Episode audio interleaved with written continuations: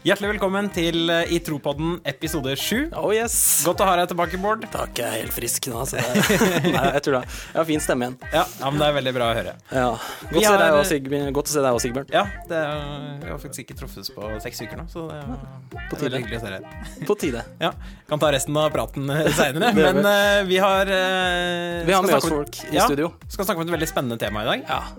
Tro. Det angår alle Ja, og tvil. Ja. Tro og tvil. Det angår jo faktisk alle kristne. Det er ikke sikkert eh, Jo, vi, alt har kanskje angått alle kristne, men dette her er på en måte Ja, Og ikke-kristne òg, til og med. Ja, og ikke kristne òg. Så det er eh, Alle tror på noe, alle tviler eh, på noe. Mm. Det er en påstand, eh, i hvert fall. Og igjen så må vi jo skryte av eh, gjestene som har sagt ja til å komme hit. Det er, eh, vi har fått to skikkelig gode gjester i, her i studio i dag. Ja. Velkommen til eh, deg først, eh, Else Randi. Takk. Eh, ja, du er her fordi du har vært eh, kristen veldig lenge, og da er det jo naturlig også at du har eh, stilt deg noen spørsmål ved troen og, og sånn. Stemmer ikke det? Har du det? Jo da. Ja, det har jeg. Mange, egentlig. Ja, men det er bra. Så bra. Det er veldig eh, flott at du har sagt ja til å komme hit og dele noen av de tankene. Ja, og du er, eh, bare sånn som vi har bakgrunnen, du Ja. er eh, nis- Nei, jeg er 22. 22, 22 år. Ja, da. Ikke 19, men 22 år. Jeg satsa. Ja da. Jeg trodde du skulle si liksom du er født i 90 eh, så- 95-modell. Eh, Ja, 94-modell. 94-modell. Ja, eh, nå går jeg grunnskolelærer, faktisk. Mm, så du skal bli lærer. Eh, Mm, skal bli lærer. I Lære matte og opp andre. samfunnsfag. Så bra. Beste faget på den. Og så har vi også med oss eh, Andreas eh, Ruud. Hallo. Hyggelig. Takk for det. Velkommen eh, hit. Det er stas. Favorittpodkasten min. Ja, Oi, det er gøy å høre på det. hør meg. Ja. Vil du hilse til mamma, så er det lov nå. Kristen, eh, kristen mann fra Bergen, Det stemmer. Eh, som er eh, så heldig å jobbe som bibelskolelærer. Det stemmer òg. Det er fortsatt eh, rimelig utrolig. Ja. Mm. Men eh, jeg har jobbet på Fjelløy bibelskole i fire og et halvt år. Og jeg blir der helt til de sparker meg på hodet ut. Eh, Jeg har det Det var det. dritgøy. Du har vært der så lenge, så har du sikkert møtt mange, mange mennesker da, som eh, både er sterke i tvilen og er sterke i troen. Og... Ja, det har jeg. Eh, noen ganger så kan eh, måten elevene mine uttrykker troen sin på, eh, slå meg helt i bakken og, og få meg til å liksom lure på Hjelp meg, jeg er egentlig kristen Mm. sjøl. Oi, spennende. Ja. Andre ganger så er det mer de vonde sidene. Eh, med tvil, og det kan være på mange forskjellige måter. Og, og det er så mange forskjellige spørsmål. Så det er stas å få komme og snakke om, om disse tingene i dag. Det er veldig, det gleder, vi oss, til å høre oss- det Ja. gleder vi oss til å høre mye mer om. Jeg gleder og gruer og ja, Ja, Mm. det alt blir mulig. spennende. Eh, vi kommer tilbake litt senere. Det blir veldig spennende å høre mer fra dere etterpå. Mm. Eh, men aller først Ja, nå skal vi høre Altså Tidligere i eh, høst så intervjua jeg en fyr som var, eh, hadde skrevet en veldig spennende masteroppgave på Fjellhaug internasjonale høgskole. Han hadde funnet fram til en del personer som har slutta å være kristne, mista troa. Og så hadde han et skikkelig sånn dybdeintervju med disse hvorfor de slutta å eh, tro. Du og Nils Kåre, storebror. Ja, storebroren min som var Som her er- forrige uke. ja. Så eh, vi lagde en podkast om dette tidligere i høst. Så nå skal vi høre noen av funna som han Eivind Svenningsen, som han het, da, fant i denne masteroppgaven. Går det an å oppsummere litt f- eh, raskt, forholdsvis raskt, hva, hva du fant ut? Altså, du intervjua sju personer over flere timer. Hva, hva er det de, hvorfor slutter de å tro? Ja. I oppgaven så har jeg prøvd å samle det i tre punkter. Det første punktet går på at um, alle har sin historie, da. At det er Livshistorie, liksom? Ja. Ja. Um, vi møter ulike ting, og det var det intervjuene fokuserte på. Mange av spørsmålene gikk på at de skulle reflektere rundt hva var det som hadde påvirka de Mm. til å bryte med troa. Og da er det lett å tenke sånn ytre sett, men det kunne òg være ikke sant, ting som handler om personligheten og mer sånne Ok. indre faktorer, hvis vi kan kalle det for det. Og da er det et veldig viktig poeng for min del da, å si det at alle har en ulik sammensetning av påvirkning, da.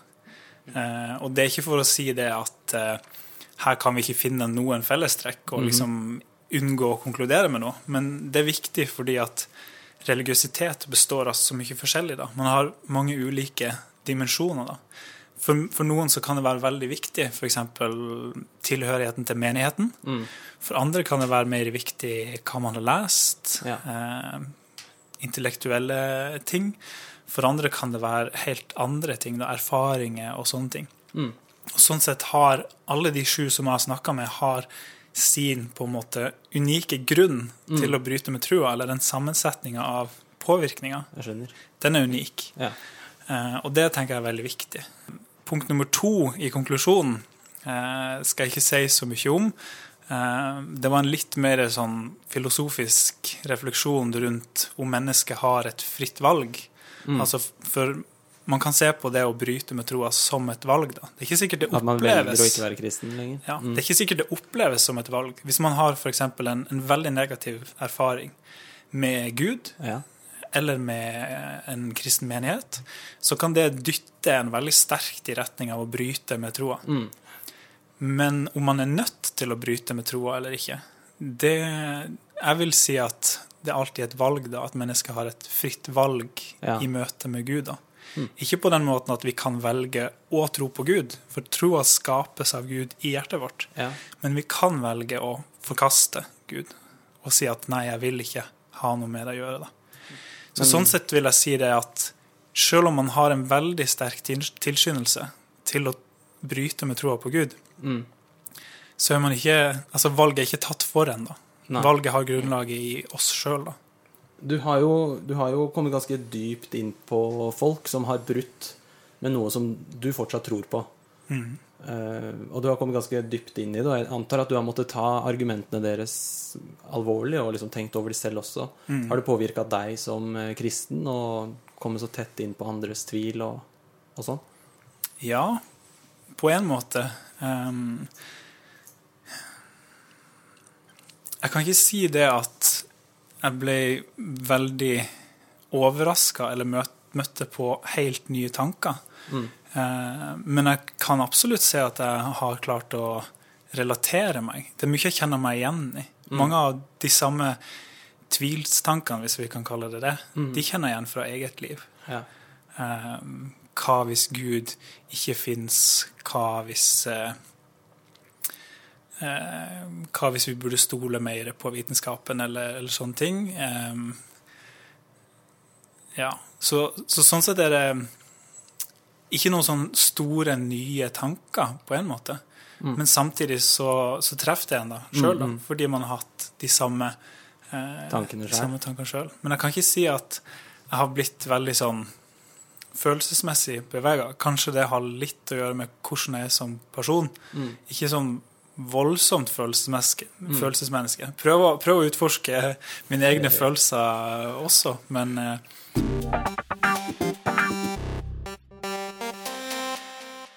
Ja, eh, skal vi snakke om eh, tro, og eh, kanskje mest om tvil i dag. Men eh, det er jo et påheng til troa ofte.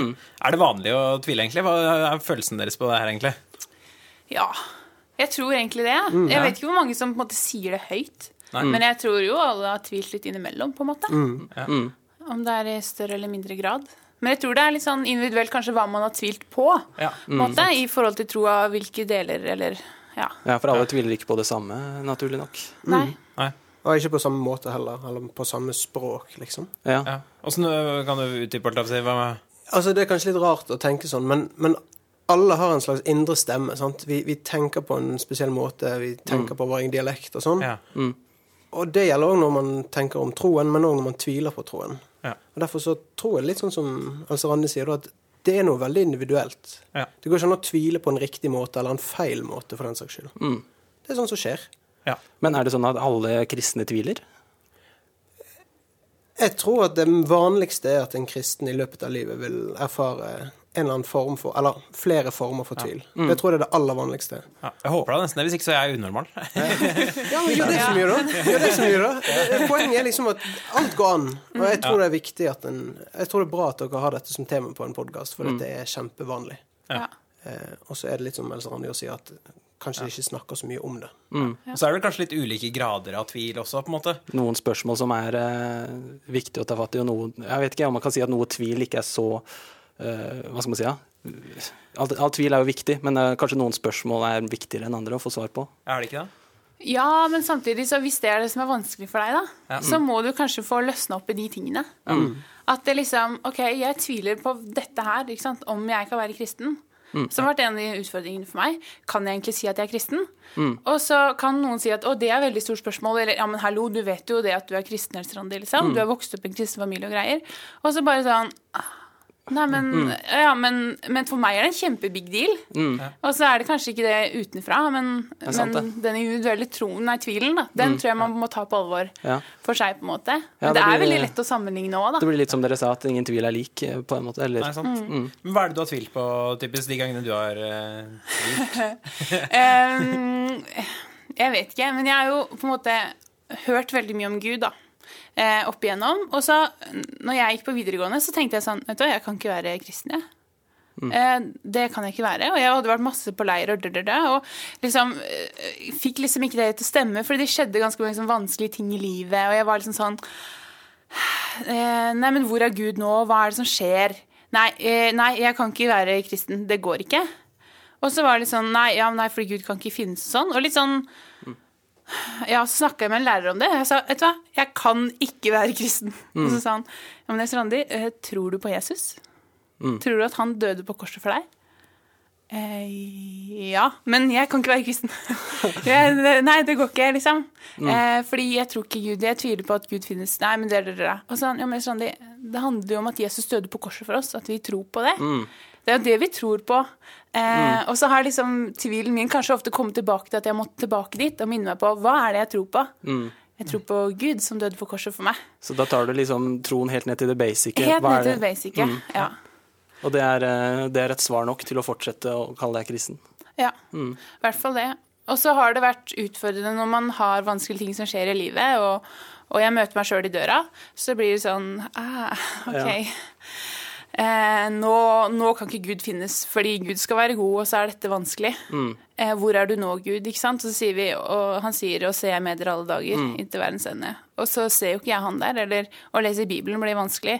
Eller i, disse vanlige tingene som vi gjør i et kristenliv. Så bare sånn Nei, nå går det ikke. Og så bare må jeg ned igjen Jeg skjønner. og få noen til å minne meg på at OK, Det handler om Jesus. det handler om Jesus. Ja. Andreas, du står og nikker. Er det Ja, Kjenner du jeg- deg igjen, holdt jeg på å si? Ja, absolutt. Både for min egen del og for utallige, eller ikke utallige, men minst 20 andre jeg har snakket med mens jeg har jobbet på Fjellhaug.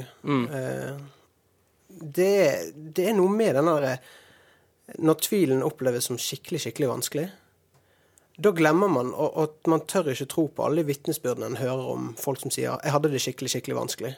Ja. Fordi at alle de vitnesbyrdene går jo bra til slutt. Men når man er inne i tvilen og inne i det som Else Randi sier, når livet gjør vondt eh, En sånn vakker eh, historie om eh, en drøm man hadde om fotsporene i sanden. Det er en sånn historie jeg har hørt mange ganger. i Det er kristne fotsporene i sammenheng. sanden der Jesus bærer deg. Et sånt Det er bilde. liksom Jeg hadde en drøm, og så var det to fotspor i sanden, for jeg gikk ved siden av Jesus. Men så var det bare ett par fotspor. Og så ble jeg veldig i tvil av det, og så spurte jeg Jesus hvordan kan det være at det bare er ett par fotspor. Nei, det var da jeg bar deg. Og så ble alle så rørt, alle så nydelige. Og for all del, det er en ganske fin historie. Men hva søren hjelper det den som ikke ser noen fotspor i sanden? Det er alt er bare mørkt, og livet gjør kjempevondt, og tvilen er mye sterkere til stede enn troen. Da tror man at skikkelig, skikkelig vondt, det er noe som gjelder de som bare så ett for fotspor Mm. i sanden, men som det gikk bra med etter en liten halvtminutt i det vitnesbyrdet. Jeg tror at tvil er mye vondere enn det for mange. Ja. Mye vanskeligere.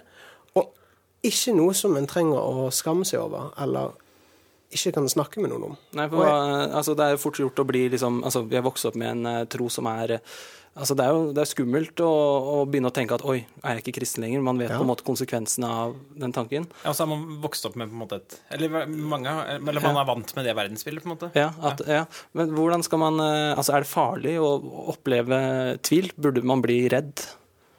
Jeg tror man blir redd, jeg. Ja. Tror ikke du trenger å bekymre deg for om du blir Nei, men, jeg, men Nei. nå mente jeg er det, altså, eh, er det farlig å tvile? Å, ja. Det er vel egentlig spørsmålet jeg stilte. Jeg tenker kanskje nei, jeg. Mm, Jeg tenker det er litt eh, vanlig. Men du må passe på at ikke du bare flyter bort fra Jesus. Da aldri går tilbake til han igjen. Mm. Hvis du bare Å, nå tviler jeg. Nå vil jeg ikke ha noe mer med Mm. det å Mm. gjøre. Nå, nå er det døra låst, og jeg vil ikke ha noe med Gud å gjøre igjen. Så tror jeg det kan være litt Da hadde jeg blitt litt redd, og det har i hvert fall jeg vært veldig redd for. Mm. Men Så er det- jeg, ja. Ja. Er det ikke ganske sunt også, holdt jeg på å si? Sånn, eh, eller kan det bli feil å si? Men er det ikke ganske sunt det å s- i hvert fall stille et spørsmål?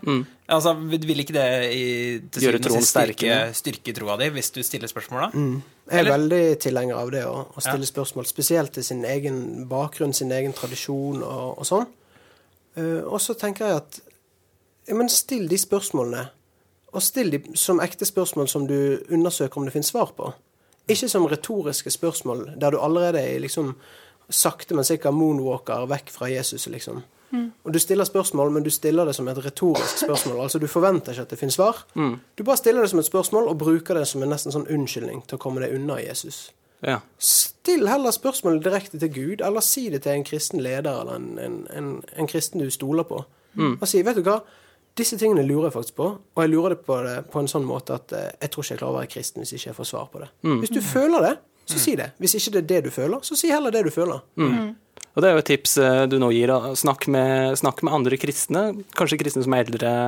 Jeg vil anbefale at du finner en som gjerne er litt eldre, som kanskje har litt grann peiling på hvordan det er å, å ta imot sånne spørsmål. Det er fint å snakke med venner, absolutt, men la venner være venner, og så finn en som du kan betro deg til, Ja. eh, som har en annen rolle for deg. Ja, og så merker jeg liksom det du sier da, om at eh, å gå i møte med Gud med tvilen, det er kanskje noe av det vanskeligste for meg i de periodene hvor jeg tviler. Ja, Å tørre å si til Gud at eh, Gud, jeg tror kanskje ikke du fins, jeg. ja.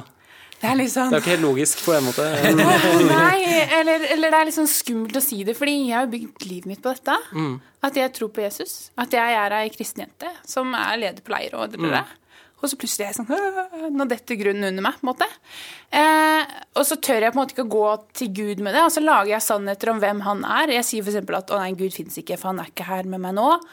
Og så lager jeg mange sånne sannheter, så s- på en måte går jeg ikke i møte med Gud med de, og så lar jeg ikke Gud få lov til å si meg sine sannheter, da. Og si det, er det, sier han det liksom gjennom Bibelen, eller får Ja. du liksom skrifta på veggen og Nei, veldig lite skrift på veggen. Det tror jeg aldri jeg har hatt. Nei. Men, men ved, å, men ved å, å gå til Bibelen eller Mm. eh, ja, snakke med noen, da, eh, som kan si Ja, men, men det er jo ikke sånn at ikke du kan være kristen, for du tror på Jesus. Eller Ja, men Gud har sagt det i Bibelen, og det er hans ord, og det er det eneste sanne vi har, da. Mm. Ja, Bibelen, Guds ord. Vi sanne. tror det er at jo det- Guds ord, på en måte. Det, det, han sier det kjempetydelig og klart. Og så er det litt sånn skummelt for oss, og så lager vi sannheter som kanskje ikke er helt Guds sannheter, som vi sier at det er Guds sannheter, på en måte. mm, Jeg skjønner. Ja. Andreas? En kjapp ting jeg tenker på, det er at eh, ved å snakke med noen om tvilen din, så sier du ordene høyt.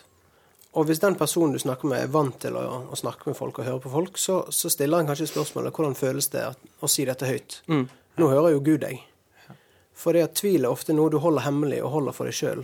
Og akkurat som med smerte i livet, så kan tvil være noe som når det holdes hemmelig, så vokser det på en usunn måte. Ja, og så vokser det med sine Mm. egne tanker, og Ja, det ja. bygger liksom eh, Og så blir du ja, bøyd, nedbøyd. Og det er For det er ikke jo- nødvendig. Jeg kjenner meg vi, igjen. for vi snakker jo på en måte om eh, bare, Det slo meg nå at vi snakker jo på en måte om en sånn ganske sånn heftig tvil, holdt jeg på å si.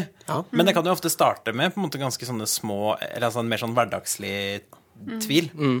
Eh, Like greit å bare gå og snakke med noen om det hverdagslige Ja. før det liksom tar helt av. ja. ja, og da er det vel kanskje ikke så høye krav heller til hvem man eh, Nei. snakker med. Altså hvis, det går jo an å snakke med over en eh, cola. Absolutt. Ja. Og, det er, og jeg skjønner det riktig, at det er ikke, ikke, ikke, bli, Ikke bli ikke redd. bli redd for at det er unormalt å tvile. Nei, nei, nei. Nei. Nei. Det tenkte jeg faktisk på på videregående, for jeg var jo livredd for å si det til mine venninner. Som man var kristne. Som var kristne. Ja. At jeg var litt, sånn, var litt sånn redd for det her, her, da. Og så gjorde jo jeg det i tredje klasse på videregående. Og så var det noen av venninnene mine som bare sånn Å ja, ja, det gjør jeg òg. Mm. Og så bare Oi! Så var responsen at dette var jo en vanlig ting å, å Tenke tenke, på. Mm. på. liksom. Eh, og det er ikke alltid man føler at Gud er så veldig nær. Å ja, det er flere som har det sånn. Det er litt del av det normale livet som Jeg kristen. kjenner det er godt å høre det her sjøl, for Mm. altså, troen min er ikke eh, like sterk hver dag. Å høre at andre også Mm. Den er ikke blankpolert. Det må du få bestemme sjøl, altså. Nei, den er ikke blankpolert. Åh, det her kunne vi snakka lenge om. Jeg tror vi må liksom f- komme litt videre i samtalen. Andreas, du, eh, du er jo, har jo vært kristen en stund, og du, du liker å lese om kristendom. Jeg ser du har tatt med bøker bare inn hit også. Eh, Jeg sendte deg noen eh, Altså, vi har sagt at alle, alle tviler ulikt. Eh, Jeg har eh, Mm. prøvd å researche litt likevel om det finnes noen sånn fellestrekk, hva som gjør at folk slutter å tro. Og jeg har, kommet frem til, eller jeg har funnet eh, fem-seks eh, grunner til at folk slutter å tro. Jeg utfordrer deg til å svare på noen av de grunnene. Er det greit? Det er helt greit. En av Mm. Kan de- jeg, kan, før du stiller spørsmål, Ja. kan jeg bare si én ting? Ja. At alle sånne store spørsmål de kan man svare på minst to ulike måter på. Det ene er det som jeg kaller for apologetisk, eller sånn trosforsvarsmessig. Da handler det om de harde, kyniske fakta. og Dette står i Bibelen, sånn er verden. Og... ja, eller liksom, Dette sier logikk, og dette er filosofi, og dette må du huske på. Her har du glemt å tenke på dette. Her, det er liksom hardt kjør. Men så har du den andre måten å svare på spørsmålet på. Og det er hvis spørsmålet stilles fra et litt mer sånn hva skal jeg si, såret hjerte. da. Eller det Ja, gjør sånn, ja. faktisk vondt å stille dette spørsmålet. Der du må tenke på hvordan du skal si dette Da kalles det ofte for det det mer sjelesørgeriske. Ok, i møte med mennesker. Da Sånn. er det mer sånn en samtale, på en måte. Da er det mer denne derre 'jeg tviler, og det gjør skikkelig vondt'. Eh, Kom og snakk med meg hvis noen har det sånn, liksom. Sånn sier jeg til mine elever. Eh, Hva svarer du nå? Hva jeg svarer nå? Ja, da, hvilken retning? Nei, altså, altså, da er det sånn at, OK, jeg, jeg syns det er så vanskelig å tro at Gud er god. OK, fortell Da må jeg høre mer. Da handler det om liksom, dette gjør vondt i livet. Men hvis det er sånn Hva grunner har vi egentlig for å tro at Gud er god? Hvorfor må han være det? OK, da må vi se på de forskjellige gudsbevisene. Da kan du ikke gå inn som liksom man skulle bevise Gud, da må du snakke litt mer ut fra deres perspektiv. på en måte. Ja, det må man uansett. Men enten fakta eller følelser, på en måte. Ok, og nå eh, i dag så prøver du litt begge deler, håper jeg? Det kan jeg prøve på. Ok, fint. Det første, første grunnen jeg fikk, som altså kom oftest opp, det er at folk sier eh, det er mer logisk eh, å, s- å tro på vitenskapen når den sier at eh, hvordan jorda er skapt og alt sånn, enn det er å tro på en 2000 år gammel bok som eh, sier noe om Gud som vi ikke ser. Mm. De som stiller et sånt spørsmål, heller vitenskap enn Gud, hva tenker du da? Det er noen som sier det at eh, ja, det er tryggere å overlate alle spørsmålene mine til eh, vitenskapen enn til en eller annen religion. Eh, Og apologetisk, da, hvis jeg skal svare sånn fakta og knallhardt Fakta, eh, Og satt litt på spissen, så, eh, så er ikke nødvendigvis så veldig mye tryggere hvis du ønsker svar på en, en god del av de spørsmålene. Fordi at vitenskap er kjempebra, og, og det mener jeg på ordentlig, ikke bare sånn name-dropper hipp hurra for vitenskap. Men mange kristne trenger å stole og være glad for vitenskap mer enn de er. Men mange spørsmål av de store spørsmålene i tilværelsen er ikke vitenskapelige spørsmål. Per definisjon kan ikke naturvitenskap svare på spørsmål som dreier seg om hva er kjærlighet, hva er tillit, hva var skaperverkets første årsak? Begrunnelsen for en moral, og hvorfor den skal være bindende for alle mennesker. eh, Er mennesket verdifullt, og hvorfor det? Bare fordi at vi sier at det er det? Fordi flertallet bestemmer det? Sånn, Det ja. er filosofiske spørsmål. Hvis du pusher det inn i naturvitenskap, så gjør du deg sjøl en veldig underlig bjørnetjeneste. Hmm. Bjørnstjeneste, eh, det lærte jeg akkurat. eh, Ja. Jeg måtte google det her om dagen. Det er Ikke en stor tjeneste, det betyr en tjeneste som eh, faller tilbake på deg selv. ja, Du- som, som senere. du, du Du gjør en skyter deg tjeneste. sjøl i foten, da. Ja, det var Ja, veldig villig. takk. takk. Jeg huska det kjempegodt. Eh, Dette var litt sånn eh, fakta. Det er det fakta. De Det som er liksom sliter med harde. dette spørsmålet, hvordan ville du møtt de? Hvis det er vanskelig, sant? det er tryggere med vitenskap enn med Gud, så tenker jeg sånn OK, hvorfor sier du tryggere? Hva legger du i det? Eh, Er det noe med Gud eller noe annet i livet som gjør deg utrygg?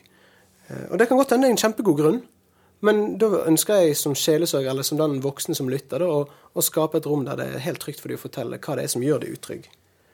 Og så vil jeg se om det går an å anbefale de andre måter å forholde seg til Gud på, enn å bruke utrygghet som en slags sånn unnskyldning for å rømme vekk fra Gud og hive seg til vitenskapen. Ja, men studer gjerne vitenskap, men eh, vit at du trenger ikke å sparke Gud ut av livet ditt. Hvis det er noe som gjør deg utrygg, så får heller bukt med utryggheten enn å gi Gud fyken, liksom. Ja. Det var, eh, fikk jeg litt å tenke på sjøl. For som regel, det. spørsmål eh, nummer eh, to. Eh, altså jeg tenker, jeg vokste opp i en kristen familie, og det er, eh, det sa du du også var, Else Randi, og jeg tror Sigbjørn og Andreas Mm. Det det er er vel eh, det er- også det. Hvis jeg hadde vært født i eh, et muslimsk land, da, f.eks. Saudi-Arabia, så ville vel jeg mest sannsynlig vært eh, muslim, fordi det var det mamma og pappa var, og osv. Mm. Mhm. Er ikke troen og kristendom bare noe jeg har lært av foreldrene mine? Jeg syns det der er- dette med geografi og hvor man kommer fra, og, og religion eller tro, det er et utrolig bra spørsmål, og jeg, jeg synes man må ta det seriøst. Men jeg har alltid jeg har hørt det mange ganger, og jeg har alltid lurt litt på eh, Hva er det man egentlig prøver å si? Er det sånn at Nei, Gud fins ikke egentlig, for det, det du tenker om Gud, er avhengig av hvor du er født, og hvor du vokste opp. Altså, livssynet ditt, det du tror, det har kun med hvor du kommer fra å gjøre. Ja, men herlighet, for noen, det er ganske tåpelig å si det. Å ja, du er bare ateist fordi du vokste opp i Vesten. Egentlig. så er jo islam sånn. Eller egentlig så har jo den, de kristne rett. Det henger jo ikke sammen med om Gud fins eller ei. At, at noen tar feil, betyr ikke at det ikke fins én ting som er sann. Mm. Altså Det sier ingenting om hvorvidt et livssyn, altså en tro, en religion, er sann eller ei. Hvorvidt grunnen til at du tror på det, er at du er derfra eller ikke. Mm. Jeg tror ikke, altså, jeg tror bare det mamma og pappa tror. Ja, Gjør du egentlig det? Mm. Tror du alltid det din mor og din far gjør? Det ligger jo i vår På et menneskelige eller annet natur. tidspunkt har man valgt selv også. Ja, At det- og man, ikke bare velger man sjøl, men man ønsker jo ofte å velge noe annet enn det foreldrene gjør. Spesielt kanskje i Norge, eller altså hvor det faktisk er men ganske uvanlig, å- å- eller altså ganske uvanlig. Det er vel mindre vanlig enn andre steder, vil jeg tro, å arve foreldrenes tro. Det kan du godt si. I hvert fall, Eller det, var ikke, jeg vet ikke om det er forskningsmessig, men det er vel i hvert fall det er det i hvert fall Ja. mer fritt, da. Ja, mer fritt. Men, men jeg tenker, igjen med tro Hvis foreldrene dine tror noe som er sant, uten at de helt har forstått hvorfor eller hvilke argumenter det fins for eller mot, så er det jo fortsatt sannheten sann. Mm. Dine foreldre kan faktisk ha tatt rett. Ja. Og dine foreldre kan ta feil. Mm. Det har ingenting å si. Det er ikke det som avgjør om det er sant eller ei. Det var eh, kon- konkret og rett fram-tale. Jeg syns i hvert fall at det, det henger litt på greip sjøl. Ja. Er det sånn du ville sagt det til en eh, som stiller det spørsmålet òg, eller? Hvis det er mer sånn der eh, Jeg tror bare fordi at mamma og pappa tror og, og sånn. Mer i en sjelesorg, eh, sjelesorgkontekst. Så tenker jeg at, at da vil jeg gjerne høre litt mer om, om den personens egne tro. Mm. Ja, jeg tror bare fordi mamma og pappa tror. Ja, men du gjør jo egentlig ikke det. Hvem er du? Hvem er, hva, hva er troen din? Hva er tvilen din? sant? Og få den personen til å prøve å sette ord på det sjøl. Sin egen tro, ikke foreldrenes tro. Ja. Ja, så handler jo tro av det som kanskje ble litt sånn nytt for meg, eller har vært det de siste åra, er tro. For det var sånn, ok, tro på Jesus var greia, liksom. Og så handler det om at vi kan ha en relasjon med Gud. Vi kan ha en Gud vi kan venne oss til. Vi har en Gud som elsker oss. At det er det vi tror på, den Guden vi leser om i Bibelen. At han finnes. Eh, og, og det tror jeg kanskje ikke helt at jeg liksom alltid har helt skjønt, på en måte. At jeg liksom levde litt på den Ja, men jeg er jo er kristen og vokste opp i kristen familie og sånn. Og så «Å Ja, men hva er det mamma og pappa tror på? De tror på en Gud som er større enn oss selv. Som de har en relasjon til. Og det er det det går i, da. Eh, og det tror jeg kanskje vi kan tenke litt på når vi liksom er inne på den derre OK, hva er tro-greia? Eh, for der tror jeg i hvert fall jeg også av og til har møtt meg sjøl litt i døra når jeg ikke helt visste, og så er det blitt lettere å tvile. Ja, jeg fordi skjønner. jeg vet ikke helt hva det går i å Ja. tro, på en måte. Ja. Ja, Mm. men jeg syns det er eh, Ja, that eh, shuts me up på det spørsmålet. Siste utfordring til deg, Andreas. Vi, vi, jeg tror ikke vi rekker alle, alle sammen. Eh, livet mitt med Gud og uten Gud, eller eventuelt da livet mitt eh, som er kristen, og vennene mine sitt liv, det er ikke mye som liksom skiller det. Jeg, jeg tror ikke det er eh, Jeg ser ikke liksom store forskjellen i at jeg er kristen fra andre. Har jeg sett flere skrive. Mm. Hvordan ville du møtt den uh, holdninga? Hvis jeg skal være litt skarp igjen, Ja, vær så Så god. tenker jeg, da må du kanskje ta det som en utfordring til deg sjøl, da. Fordi at det kristne er kaldt å være annerledes. Det er veldig bra at, at kristne kan ha et vitnesbyrd som, som overrasker de rundt de som ikke er kristne. Og liksom sånn Oi, er du kristen? Mm. Å, hæ, du er jo et vanlig oppegående menneske som spiser hamburger og drikker cola. Det skulle jeg aldri trodd. Etter denne klimaepisoden her, så er det kanskje ikke så mange kristne igjen som spiser hamburger. Men, Nei, faktisk. men, eh, men seriøst, da. Det er noe med det at, at kristne har et kall til å gjøre som Gud og bli menneske. Eh, Det er en som har sagt. Men samtidig så er det jo et kall til å være vanvittig annerledes. Radikal er et ord jeg hører mange bruke om kristne. Ja, ja, ja, det er veldig inn å være radikal. Men det er veldig inn å være radikal på Facebook og, og liksom online. Men, men å faktisk tro annerledes, stå for det, elske mennesker mye sterkere og annerledes enn det andre gjør, det er et kall vi har. Ikke bare din nabo og din venn, men din fiende. Så det er eh, ikke nødvendigvis Gud det er noe feil med, hvis man ikke ser noe forskjell på Jeg tror faktisk at noen ganger så trenger vi et speil mer enn vi trenger Bibelen. Eh, når det gjelder liksom hvor, hvem skal vi skylde på. ja.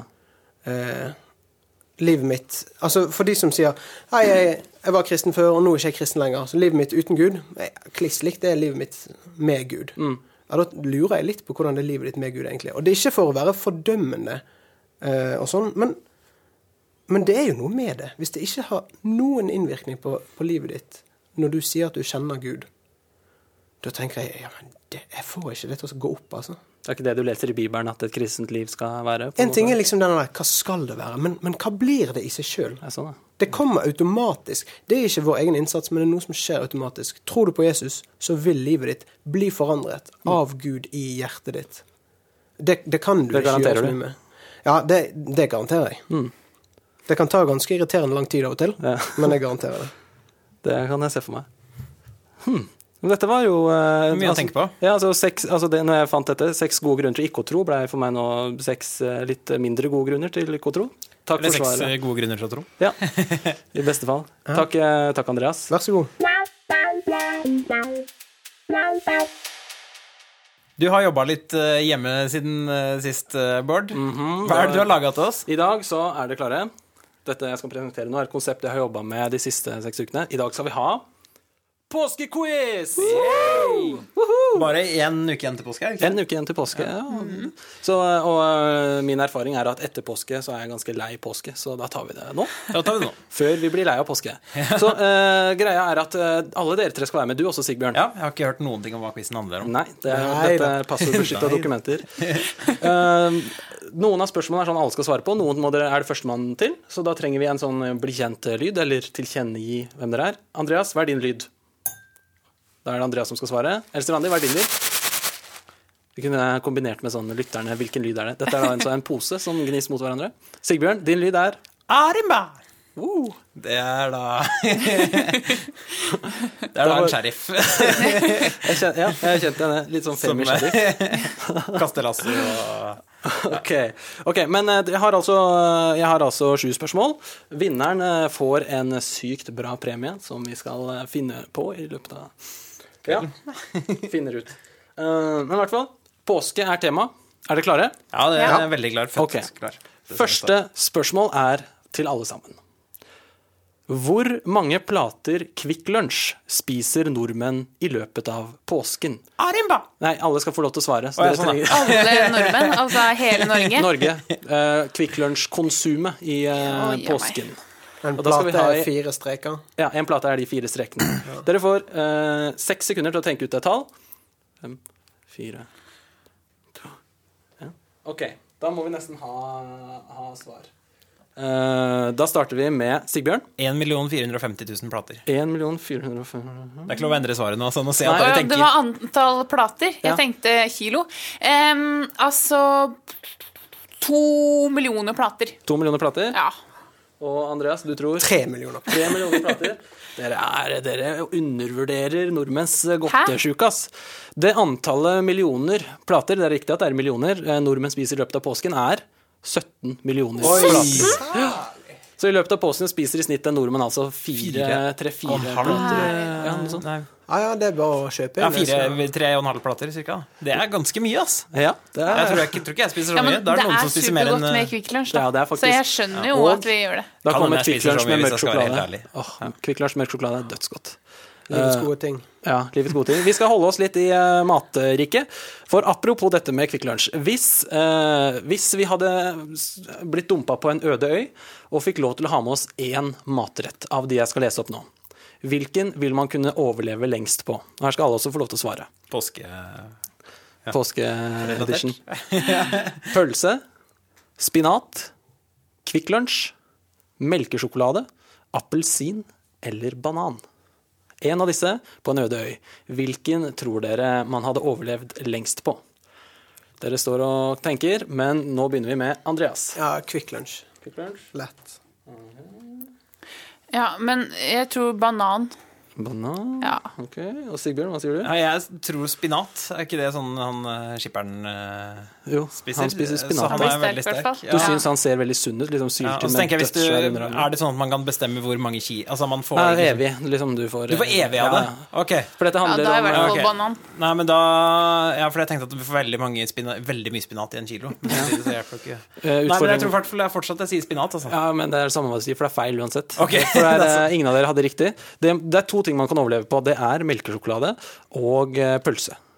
De to tinga kan du overleve eh, lenge på. Så sånn sett Oi. så kan du jo si at Kvikk Lunsj var på en måte riktig, hvor du kan skrelle av melkesjokoladen utapå. men Ja, det blir bare- droppe, Så- droppe kjeksen inni. Så hvis da eh, vi dropper av disse her 17 Faktisk så må jeg jo gi millioner platene, Ja. Ja, hvis vi bare spiser Jeg må faktisk gi Andreas riktig, da, så det var han som Ja, fikk poeng. Ja. for det var litt sånn- Søren! Men du blir dumpa der i påska. Det var det som var påske... Jeg kommer i poststemning. Jeg pleier alltid å dra til Nødøy og spise Quick Lunch. For det er dette du velger å bruke overtida på, og du kvarulerer på dette spørsmålet. Ja. Eh, nå glemte jeg å si forrige, forrige spørsmål fikk jo da Andreas, som sa tre millioner. Og han fikk også nå. Ok, spørsmål tre.